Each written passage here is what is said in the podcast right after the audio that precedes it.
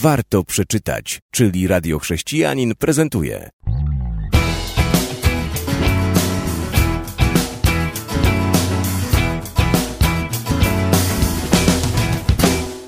Witam w kolejnej naszej audycji. Dzisiaj o książce, która może troszeczkę jest związana z sytuacją na świecie. Islam bez zasłony.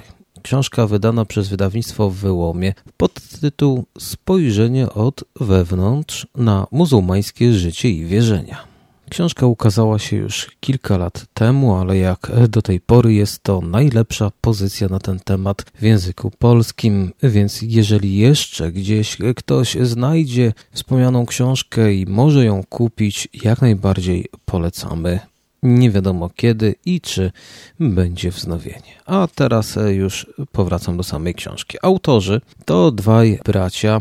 Ciekawostką jest fakt, że obaj byli muzułmanami. Książka ta więc nie jest napisana przez teoretyków, ale przez ludzi, którzy wychowali się w islamie, a potem poprzez różne historie swojego życia zwrócili uwagę na chrześcijaństwo.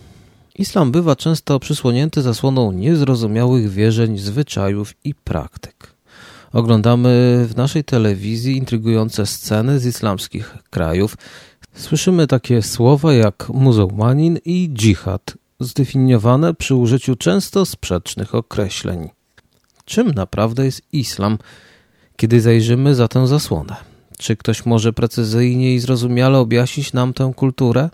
Bracia Ergun i Emir Kaner, wychowani przez przywódcę w meczecie jako sunniccy muzułmanie, poznali muzułmańskie życie. Obecnie jako chrześcijanie i cieszący się ogromnym uznaniem profesorowie teologii, bracia ci są szczególnie predysponowani, by zaprezentować bezprecedensowy wgląd we wewnątrz islamu, bazując na podstawowych źródłach takich jak Koran i hadisy.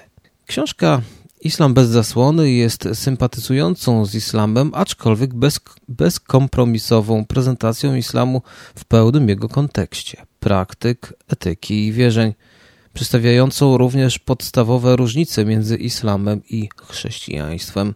Autorzy rzetelnie dokumentują długie i systematyczne związki islamu z przemocą i terroryzmem, rozwiewając mit, że islam jest pokojową religią. Po podzieleniu się z czytelnikiem podstawową wiedzą o islamie, autorzy prezentują praktyczną strategię, którą chrześcijanie mogą wykorzystać do rozpoczęcia produktywnego dialogu z muzułmanami. Więc teraz, również z tej książki, możemy poznać fakty z życia proroka Muhammada, które większość muzułmanów wolałaby raczej ukryć przed nami. Dowiemy się również, czego uczy Koran o kobietach, tolerancji, innych religiach czy dżihadzie. Kończąc prezentację książki Islam bez zasłony, do której zakupu i przeczytania jak najbardziej zachęcam, aby zrozumieć to, co dzieje się na świecie, pragnę zacytować Richarda Lenda, który we wstępie do tej książki napisał.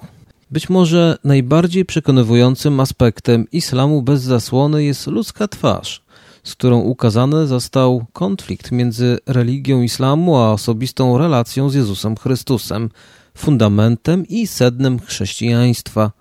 Porywająca historia kanerów przypomina nam o ostrym, często krwawym prześladowaniu, jakie spotyka na całym świecie chrześcijan, którzy zrozumieli, że wszystkie wierzenia nie są takie same i że tylko Jezus jest drogą, prawdą i życiem. Dziękuję.